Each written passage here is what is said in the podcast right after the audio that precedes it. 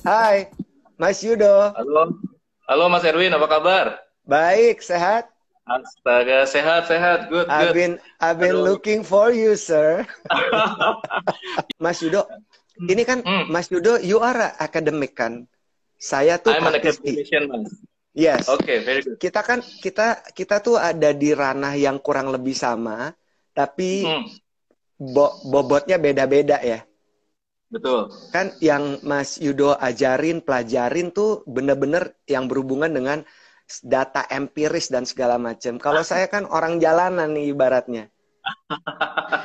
Iya, Iya iya, kan? betul, betul. Terus sama-sama punya murid, sama-sama punya murid, Eh, punya niat yang sama mau belajar murid-murid kita nih, tapi yang di yang dimiliki oleh SBM ITB Jakarta Kampus itu kan semuanya udah by proven ya, by data, udah di research dan Ya. segala macam.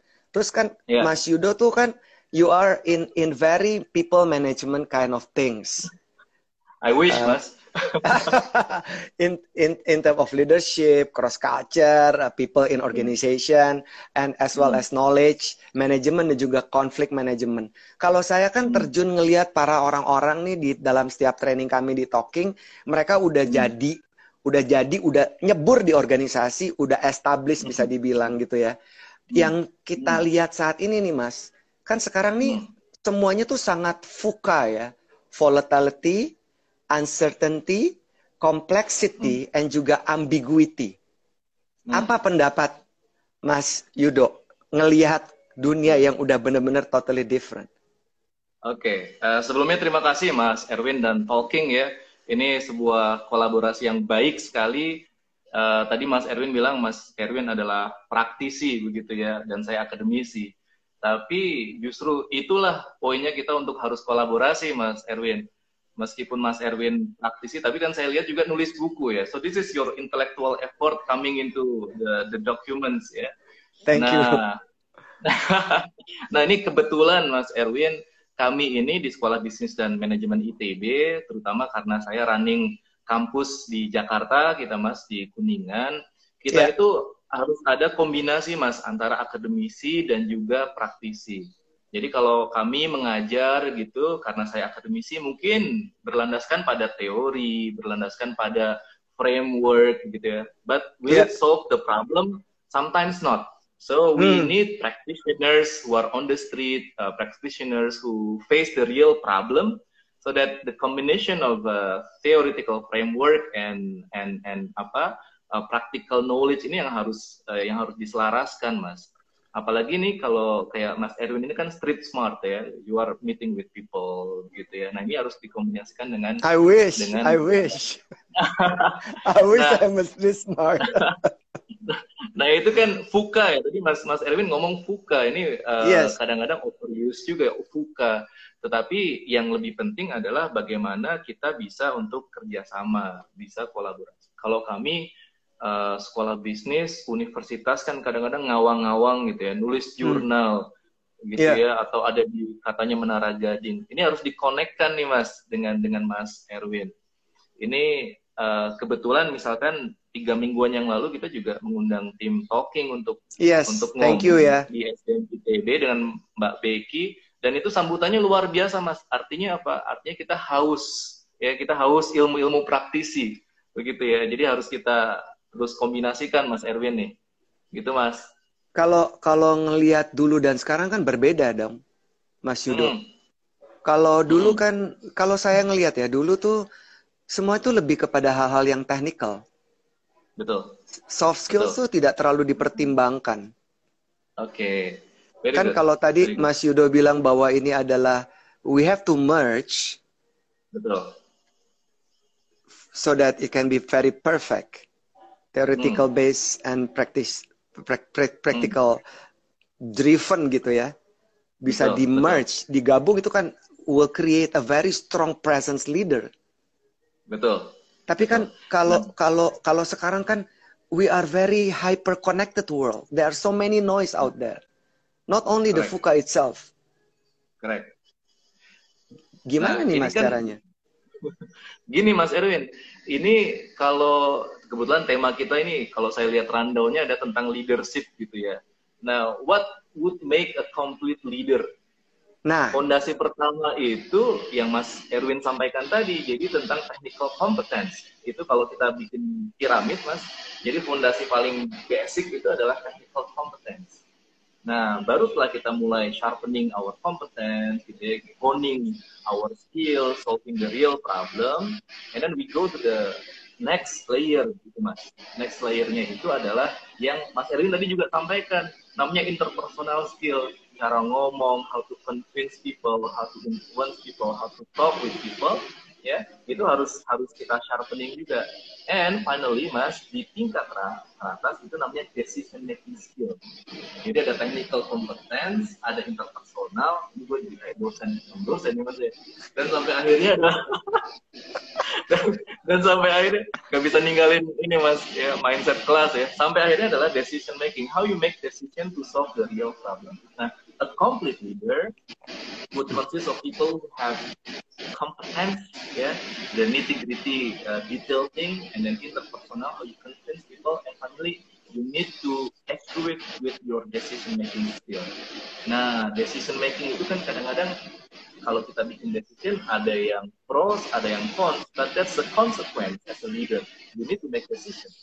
Ya, kalau nggak bikin decision ya, yeah, that's not a leader.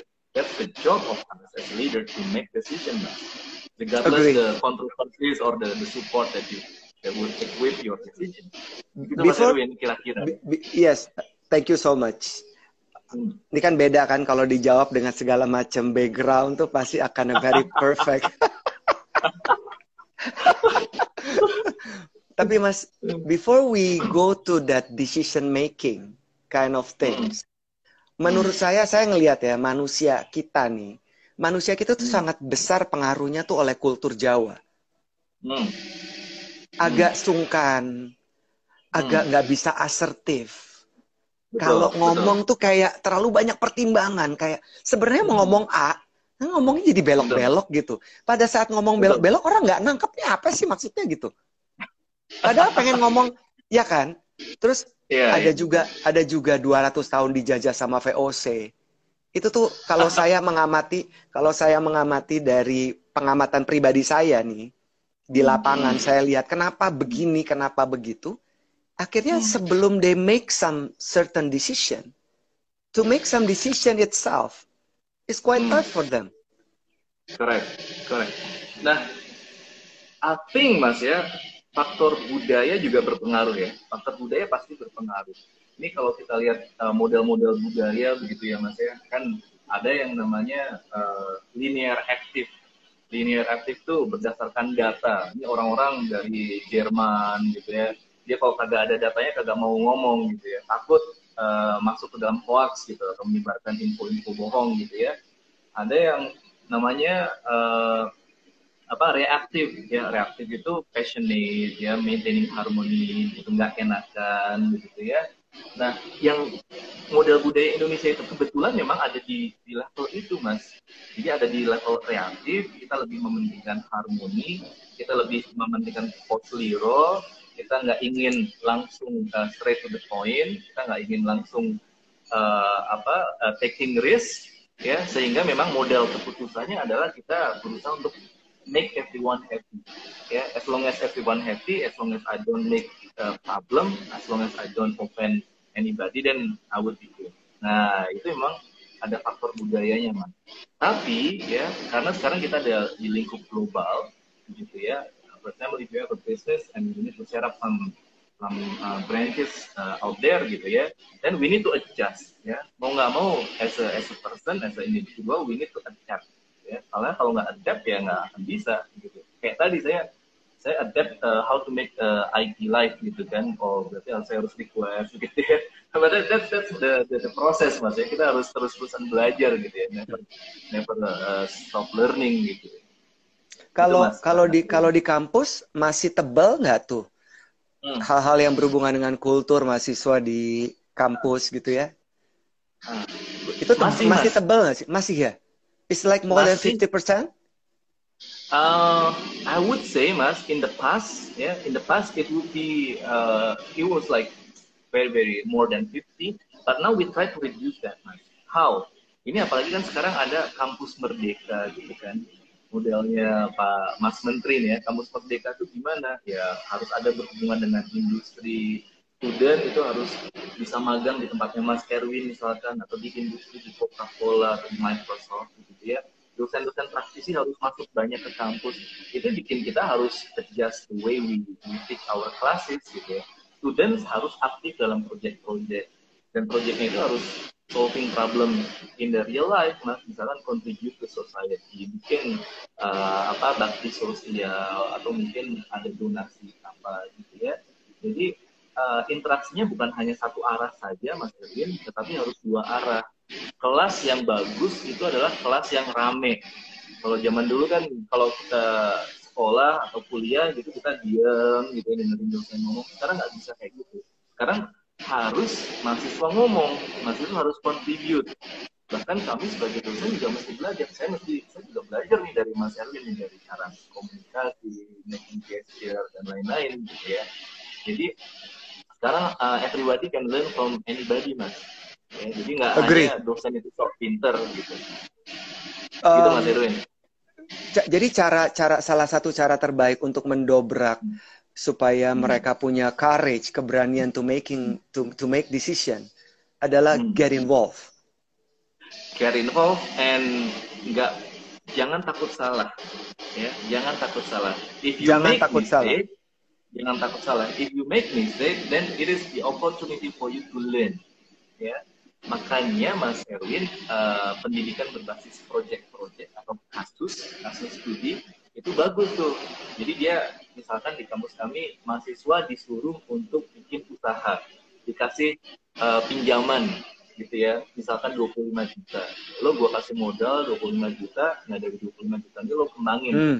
Ya sudah, dia bisa untung, bisa rugi gitu. Kalau rugi ya that's the consequence because we are the decision maker gitu kan jadi jangan takut salah nah kadang-kadang yeah. kultur kita memang bikin kita jadi takut salah gitu ya tapi itu yang harus di tweak sedikit mas sorry mas Yudo interrupted have you heard uh, um, some kind of distraction or noise somewhere else I don't hear anything mas I think it's okay. quite clear from my side mas okay. Erwin dengar ya saya dengar ada kayak kayak bunyi something gitu yang on and off. Tapi it's okay.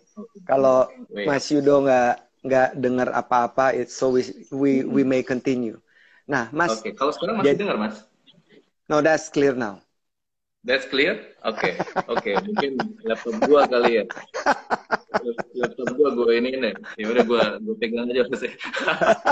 Iya, iya, iya. Nah, sekarang is so uh, quiet and clear. Thank you. Oke, okay. oke, okay. very good, very good. Mm. Nah, mm -mm. Mas Yudo, jadi untuk membangun kualitas manusia dengan strong presence adalah mm. tadi tuh ya. Mereka secara teori base-nya kuat. Terus how to-nya soft skills-nya dan juga in in making decision Tiga mm -hmm. aspek ini yang akan membuat orang mempunyai strong presence as a leader. Mm -hmm. Mm -hmm. Tapi -hmm. kalau tadi saya sambil menunggu Mas Mas Yudo, saya melemparkan pertanyaan ke beberapa teman-teman ke Talking Friends juga. Saya nanya, sebenarnya mm -hmm. tuh leader menurut mereka tuh dibuat atau terlahir sih? And what is your mm. opinion, Mas? Nah, uh, saya kan ngajar leadership juga ya, Mas ya. Yes. Jadi saya ngajar leadership dan biasanya uh, sesi awal ya di jam pertama selalu we answer that question born or made gitu ya. Nah tapi jawabannya pasti dua mas bisa born hmm. bisa made so both ya. So sometimes uh, we can believe in somebody ya who have charm gitu ya, charismatic leadership gitu ya. Tetapi ada juga leaders yang dibangun dari uh, apa dari menyelesaikan masalah-masalah begitu ya ketika dia uh, ketemu masalah, dia menyelesaikan tersebut, this is the way for him to sharpen uh, the leadership skill.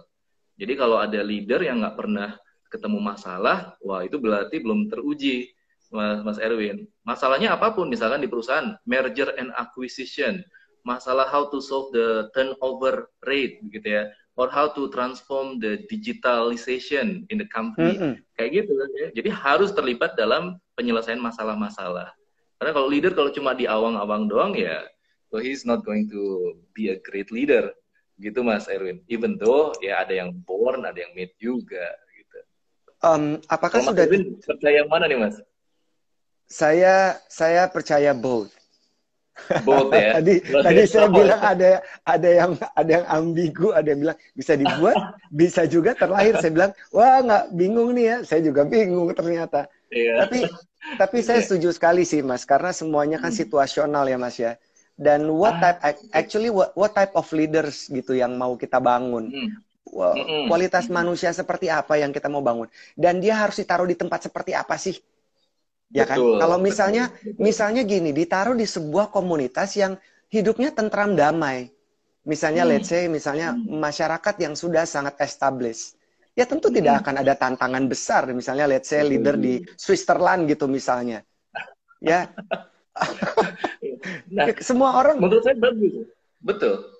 Jadi ya malah kan, mungkin betul, setuju Mas especially mas apalagi kalau kita sekarang in the sense or in the era of crisis like this actually yes. this is the opportunity for us to see some new leaders coming in gitu ya. Betul. wah ini ini pak ini sudah berhasil menyelesaikan sebuah tanggung jawab how to distribute the vaccine misalkan ya or how to overcome ppkm gitu how to yeah. mitigate the, the virus spread yeah. nah yang seperti itu itu adalah the chance for us to to to to see the new generation of leaders in Indonesia, I think Mas Mas Erwin ya. Iya, gitu. jadi jadi jadi kita juga sebenarnya kita harus menentukan kan what type of leader mm. are we gitu. Are, are we going to head heading to gitu in the next future five years from now? Uh, betul, Knowing knowing this VUCA world very uncertain, mm very volatile, very uh, yeah, very cannot be predicted ambigu, ya? whatsoever. Yes, very ambigu gitu. Kan jadi betul, lo mau ada betul. lo mau ada di tempat seperti apa gitu dan kualitas seperti apa yang dibutuhkan gitu kan ya Mas ya. Betul. So that mental toughness is very important, right? Indeed, Mas. Uh, mental toughness, kemudian Mas Erwin tadi menyampaikan satu keyword menurut saya situasional ya. Jadi itu ada teorinya juga Mas, situational leadership. Kalau zaman dulu kan evolusi ya Mas ya. Misalkan yes, zaman Darwin. dulu leaders is a ada namanya the great man theory. Leaders is like Superman, ganteng, charming, Bung Karno, convincing gitu ya. Tapi after uh, several years begitu teorinya berubah lagi ada yang namanya situasional. Bahkan sekarang yang yang lagi ngetren adalah yang namanya authentic authentic leadership. Be genuine, be original. Because if you are not original then people will see you as a fake leader ya ya sudah Agree. just be yourself aja by solving the real problem begitu mas kira-kira jadi ya memang meskipun sekarang zamannya adalah zaman image begitu ya it's good to have image but it is better for us to solve the problem that we have in our society so that would sharpen our leadership skill mas this is this is very interesting mas Yudo how hmm. to be authentic then some oh, people is course, still in this in this ambiguity stage They don't know how to become very authentic. I mean, do I have to say bluntly or do I have to say mm. with considering many norms? Do I have mm. to just follow follow other path, other people path? Yes. Indeed, Mas. Indeed. Being authentic meaning we need to uh, increase our competence, Mas ya. Jadi yang tadinya hmm. misalkan sekarang uh, ini kayak saya nih ayah saya baru belajar IG live jadi we we need to add some some new competence mas and then by by having new competence then we can uh, we we can solve the problem that we have in in the society um, kemudian being authentic itu juga ya we don't really care about the image gitu ya. Meskipun image bagus punya follower jutaan bagus begitu ya. Tapi uh, the real world is not on social media kan? The real world agree is agree. online. Ini tetangga kita misalkan kena covid what can we do to them? What can we yeah. contribute to them? How can we help? How can we lend our hand to them? It is far more important I think than the image gitu ya meskipun gue juga pengen follower gue lumayan juga nih. Makanya soalnya Mas, Mas Yudo nggak aktif sih, mesti aktif, mesti di nurture, mesti banci tampil. It, itu gue mesti belajar dari Mas Erwin nih Mas. Ini gimana caranya nih Mas? iya nggak apa-apa kata tagline sebuah sepatu olahraga just do it you know just do it ya. yes. Ini, mas gue lagi belajar nih mas ini ini gara-gara era sekarang fuka ini jadi gue mesti ada sosial media ada Instagram gitu ya apakah hmm. apakah juga leader juga nggak boleh overthinking overthinking ini ini kan bisa bisa ini kan ah. kayak pertanyaan jebakan kali ya mas ya from the other side leader harus mikirin from A to Z from the other side yeah. leader has to manage their expectation or other people Indeed. expectation Indeed the devil is in details katanya gitu ya mas ya the devil is in details ini ada ada penelitian mas yang bilang itu Jim Collins gitu ya Jim Collins tuh ya dia bikin banyak buku ya uh, apa a leading thinker in the area of leadership gitu. Dia bilang, what makes a good leader? Salah satunya adalah when you pay attention to the detail. Where is the data? Where is the revenue uh, data? Hmm. Where is the profit data? How is our corporate performance this month gitu ya. Nah, it is important Mas to look at the data and then based on the data then we can make decision ya karena kalau nggak pakai data ya decision kita jadi blunt gitu ya tadi Mas Erwin bilang ya. Overthinking, well sometimes people see that as overthinking, but actually this is how we rely on data. Apalagi kan sekarang eranya big data gitu ya Mas, yeah. artificial intelligence. So it is going to be like data driven decision making is going to be prominent uh, in the future. Mungkin Mas Mas juga menggunakan itu ya data-data yes, agree. Betul. Talking, ya, begitu yeah. participants training talking seperti itu itu it's going to sharpen the quality of our decision making Mas Mas Erwin.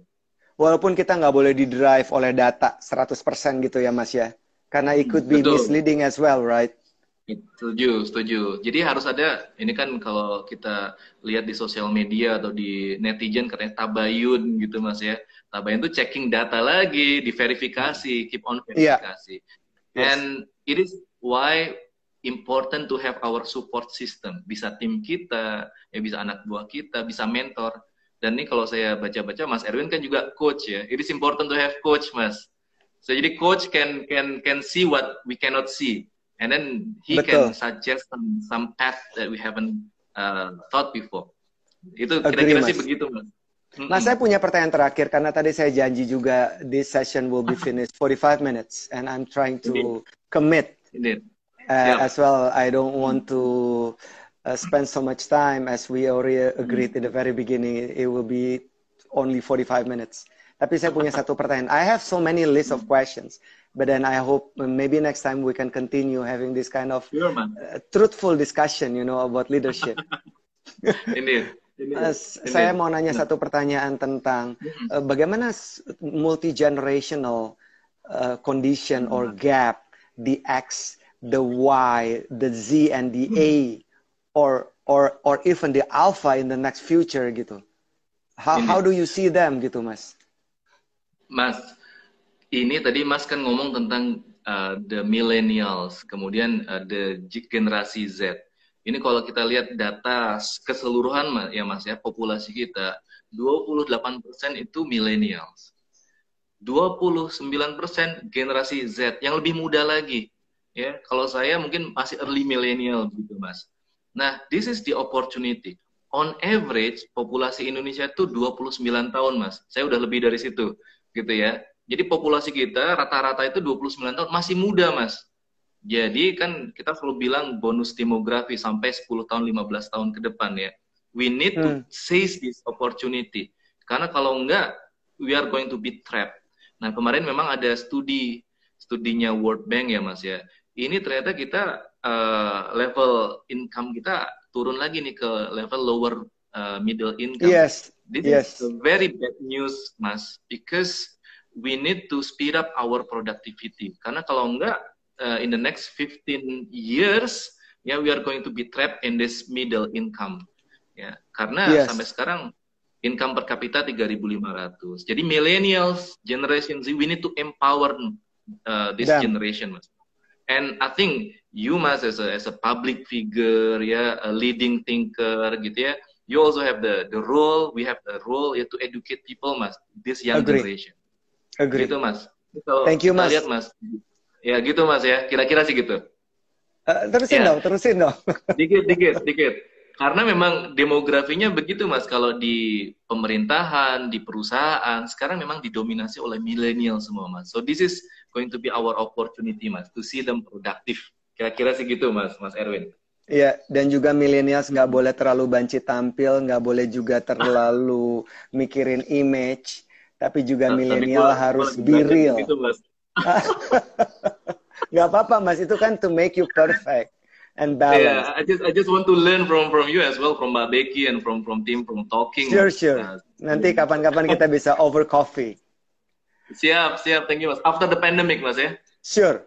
Nah, teman-teman Talking Friends, yes, uh, can't wait. Hmm. Nah, teman-teman Talking Friends, seperti janji saya di awal, saatnya Anda bertanya. Ya, silakan hmm. Anda boleh bertanya apa saja. Ini ada figur yang keren banget yang bisa ngebantuin Anda to open your eyes and perspective, gitu ya. Gimana sih caranya supaya kita nih benar-benar bisa having a very strong presence, not only for ourselves, but for hmm. our community as as well for for our nation gitu ya. Kan nggak mau dong Indonesia jadi begini-begini aja gitu. Kita mau kitanya maju. Tapi bangsa yang maju tuh bangsa yang karena pikiran bukan karena they're feeding their ego or their heart gitu ya. Jadi uh, teman-teman silakan please ask questions. We have the guy here for you guys. Ah, coba kita cek dulu ya nah ini ada pertanyaan menarik nih dari Dwi Dwi Resti, what do you think about ambidextrous leadership? Ah, this is a very nice question ya. Untung gue habis baca tuh mas ambidextrous leadership. Kalau nggak jelasin gue, mas, jelasin. mas, the key is agility. What is ambidextrous leaders? Ini kayak seorang leader tangannya banyak mas you can solve the problem in the private sector, can solve the problem in the government, in the NGO, in education, gitu ya. Multitasking. So the key is going to be, indeed, multi, the key is going to be agility, mas. And he can adapt. Dia bisa learn a new thing, ya. Ini kebetulan mas, saya lagi membimbing uh, mahasiswa doktor, mas. Mahasiswa doktor ini kebetulan prominent person, gitu ya. Wow. Temanya adalah three sector leadership. Jadi, how we can sharpen the leadership bisa di private sector, bisa di government sector, bisa di NGO gitu ya, so that we can be an ambidextrous leader. Ya, intinya adalah agility dan how we can keep on learning, Mas Mas Erwin. Oke, okay, good. Mm -hmm. Jadi silakan ini sudah dijawab langsung uh, Dwi Dwi Resti ya. Uh, Jadi udah tahu baca. kan. Oke, silakan teman-teman yang lain. Oh ini ya. Uh, Oke, okay, ada hmm. Ars P aduh susah sekali ya kalau nama disingkat-singkat di Instagram. Ars PRMTS. Katanya mau ngasih komplimen untuk kita, Mas. Uh, apa tuh, Mas? Ya, katanya keren gitu deh. Oh, iya. Ini sih lebih faktor Mas Erwin kayaknya. Ah, ya. enggak dong. It takes two to tango, Mas. Oh, ini um, Aris Aris Tianto. Bagaimana seharusnya leader menghadapi fuka? Ah, leader menghadapi fuka. Well, there is no silver bullet, Mas. Hmm. Karena everybody is experiencing this now, ya. Yeah.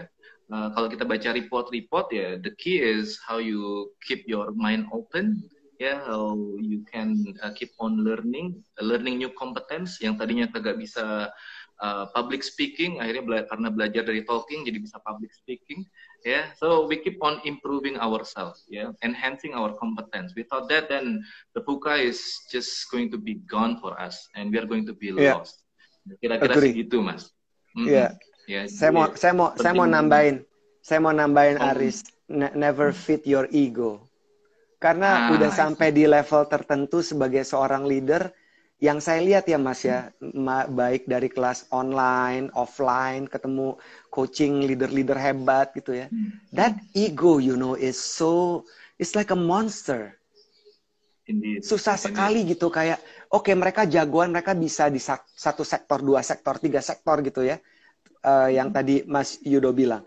Terus mereka punya ego yang gede sekali, kayaknya, kayaknya kalau misalnya duduk di lantai ngobrol sama orang yang biasa aja tuh kayaknya nggak berkelas gitu. Atau kalau hmm. mereka ngomong satu perintah itu seperti sudah harus dijalanin. Hmm. Saya hmm. saya ngelihat itu menjadi semakin besar di di pola leader saat ini yang at, setidaknya saya jumpai dalam setiap sesi, Mas. Ah, I think you're right, Mas ya. Being humble, keep our feet on the ground exactly. is important. In that way we can identify all the problems. Kalau enggak, we keep on making Betul. apa ya, ourselves too high. Yes. Gitu, Mas. Dan kan kan yeah. li, uh, Betul. Dan dan orang menjadi leader itu kan bukan karena keinginan dia pribadi. Ada orang di bawah kita yang yang rely on us. They want to be listen juga kan, Mas. Kalau kita Betul. udah dikasih ke, ke ke ke ke apa predikat itu, dikasih label itu, terus kita jumawa gitu. I don't think he's a very a good leader in a strong presence. Indeed, Mas. Ini ada yang nulis juga tadi kayaknya leadership is about responsibility. Yeah. Very good. Karena if we don't have the responsibility, then it would not make you as a great leader, mas. Yes. Katanya sih begitu, mas ya. Nah, benar benar banget. Mau nanya, misalnya mau leading di situasi orang-orang di lingkungan itu susah untuk mendengar acu tak acu. What should we do? Ini dari Miss Invisible, but we can see her now. well, uh, Uh, what do you well, think? I, I, don't. To be honest, I, I don't have the the recipe for that. Ya, the the key is to keep on. We have two ears katanya. We keep on listening, mas ya. Stay humble. Nggak tahu mungkin Mas Erwin ada ada strategi khusus mas kalau dari berkomunikasi um, begini? Sebenarnya mesti dianalisa juga kan nih Miss Invisible ya. Kenapa hmm. dalam situasi tertentu orang tidak mendengarkan kita? Why don't why we don't get or gain respect from them? Maybe because hmm. we don't respect ourselves. Yeah, yeah. Kan kayak saya suka bilang di dalam kelas, lo mau jadi orang yang menarik ketika berbicara, but do you love yourself? If you ask ah. yourself, do you like yourself better than anyone else? Jadi kayak banyak orang tuh kayak pengen bicara public speaking keren untuk didengar hmm. tentu, tapi begitu hmm. saya tanya balik, lo suka nggak sih sama diri lo? I don't like myself, you know. So how on earth saya bilang, you can you can use your charm in front of the public if you don't love yourself first. Hmm. Jadi kayak yeah. harusnya pertanyaan untuk Miss Invisible, coba balik lagi ke dalam diri tanya. Karena there is nobody's perfect. Jadi kita mesti nanya ke diri kita, apa yang membuat kalau kita ada di sebuah lingkungan, they don't listen to us. Maybe we don't have that content, or maybe we are just too too too low I see. So Kalau, we need to love ourselves ya. Yes, karena itu I think is a very basic knowledge. Kayak hmm. kemarin ada teman saya, ada satu leader yang prominent. Itu hobinya marah-marah-marah. Teman saya chat, hmm. terus dia bilang gini ke saya, dia mesti coaching sama lo. Terus saya bilang gini, aduh kayaknya berat deh saya bilang. Kayaknya orang ini tuh harus mencintai dirinya dulu dan berdamai dengan masa lalunya. I see. Benar-benar berdamai dengan ya. masa lalu, selesai dengan dirinya gitu ya. Iya kan Mas, kalau yeah. enggak how can we how we can lead people gitu. We even we cannot lead ourselves. Indeed. And I think Mas, uh, when you mention about coaching, I think it is important Mas. Karena in each of us we need to have somebody who yes. who, who become our coach ya. Karena kalau enggak nggak bisa diarahkan gitu ya. Betul. I think coach nanti ke depan akan akan uh, in high demand, Mas. Karena ya semua orang butuh mentor, butuh coach itu ya di karir, di personality, di personal issue iya. gitu ya. Dan juga hmm. memang di kami di Talking juga tren untuk membantu para figur-figur keren untuk semakin keren hmm. itu trennya makin naik, Mas. Apalagi I during see. this uh, COVID-19 pandemic. Banyak orang yang yeah. minta uh, eksistensi dan asistensi kami untuk membantu mereka in person karena yeah, yeah. seperti mereka melihat ada orang lain yang dapat mendirect dan memberikan jawaban-jawaban yang mereka cari hmm. dalam diri mereka selama ini itu biasanya perlu other other people point of view. Betul, Memang betul, betul, Mas. You are you are right. Yes, it's correct. Trennya yeah. makin hari yeah, makin naik. Setuju, Mas. Apalagi executive coach ya, I think it's going to be prominent in the future. Yeah. Yes, karena juga memang kita memerlukan eksekutif eksekutif leader yang bisa becoming a very firm, yes agile gitu ya. Ini, ini, apalagi di era of crisis begini, Mas. Aduh, kita harus saatnya kita punya pemimpin-pemimpin yang bagus ya di di Indonesia, Mas. Otherwise, we will be in doom, Mas. yes, It, yeah. uh, kayaknya halu gitu ya, Mas ya. Setuju, Mas, mas. Setuju. Yudo, saya hmm. sudah mencatat beberapa key messages in our 45 minutes discussion.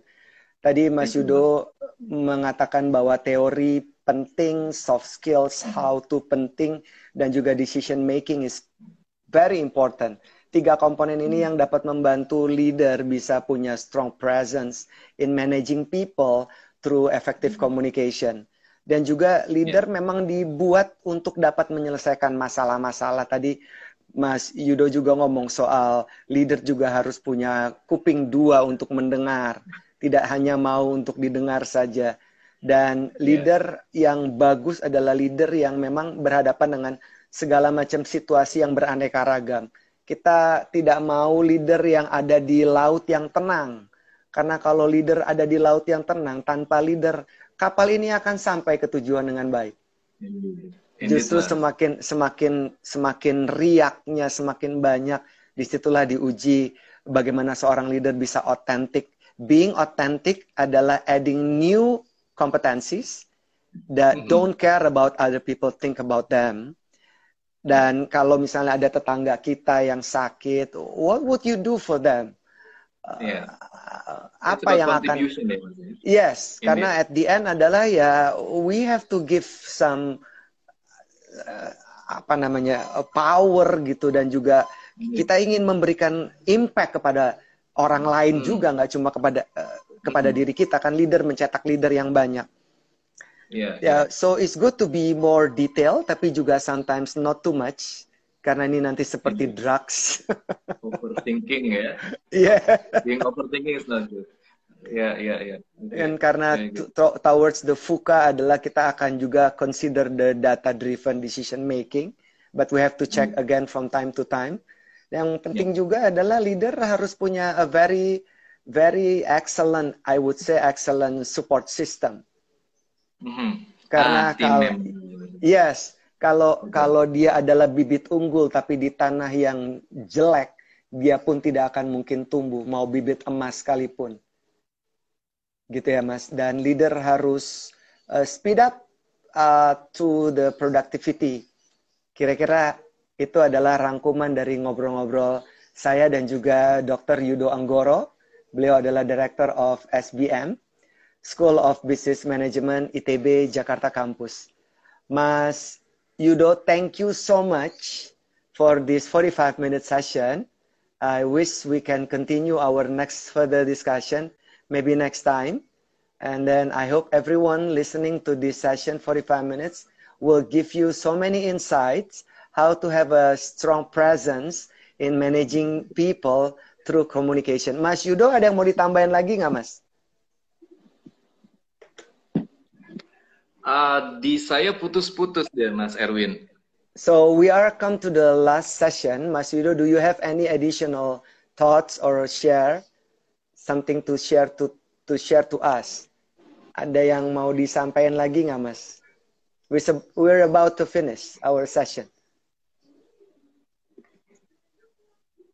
Mas, gue putus-putus sih. Mas, do you do you have any other things to say to us? Mas Yudo, Mas Yudo. Sepertinya signal kita kurang oke. Okay. Are you still with us, Mas Yudo? Kayaknya signalnya agak ini ya, Mas ya. Oke. Okay. Thank you, Mas, Mas Erwin. Thank you so much. Thank you so much. Stay healthy. Thank you so much. Salam buat teman-teman. Okay, stay healthy, Mas. Yeah. See you then. Bye-bye.